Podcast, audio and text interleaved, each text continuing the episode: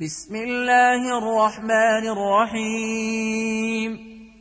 يا أيها النبي إذا طلقتم النساء فطلقوهن لعدتهن وأحصوا العدة. واتقوا الله ربكم لا تخرجوهن من بيوتهن. ولا يخرجن إلا أن يأتين بفاحشة مبينة. وتلك حدود الله. ومن يتعد حدود الله فقد ظلم نفسه. لا تدري لعل الله يحدث بعد ذلك أمراً.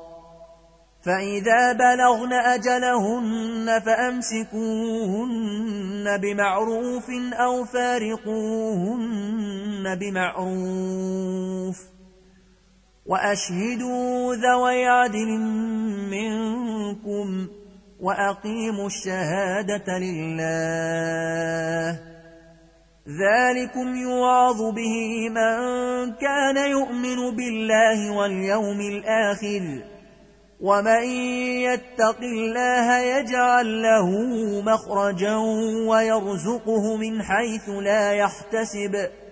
ومن يتوكل على الله فهو حسبه. إن الله بالغ أمره. قد جعل الله لكل شيء قدرا. واللائي يئسن من المحيض من نسائكم إن ارتبتم فعدتهن ثلاثة أشهر واللائي لم يحضن. وأولاة الأحمال أجلهن أن يضعن حملهن. ومن يتق الله يجعل له من أمره يسرا. ذلك أمر الله أنزله إليكم ومن يتق الله يكفر عنه سيئاته ويعظم له أجرا أسكنوهن من حيث سكنتم من وجدكم ولا تضاروهن لتضيقوا عليهن وإن كن أولات حمل فأنفقوا عليهن حتى يضعن حملهن فإن أرضعن لكم فآتوهن أجورهن وأتمروا بينكم بمعروف وإن تعاسرتم فسترضع له أخرى لينفق ذو سعة من سعته ومن قدر عليه رزقه فلينفق مما آتاه الله. لا يكلف الله نفسا إلا ما آتاها سيجعل الله بعد عسر يسرا.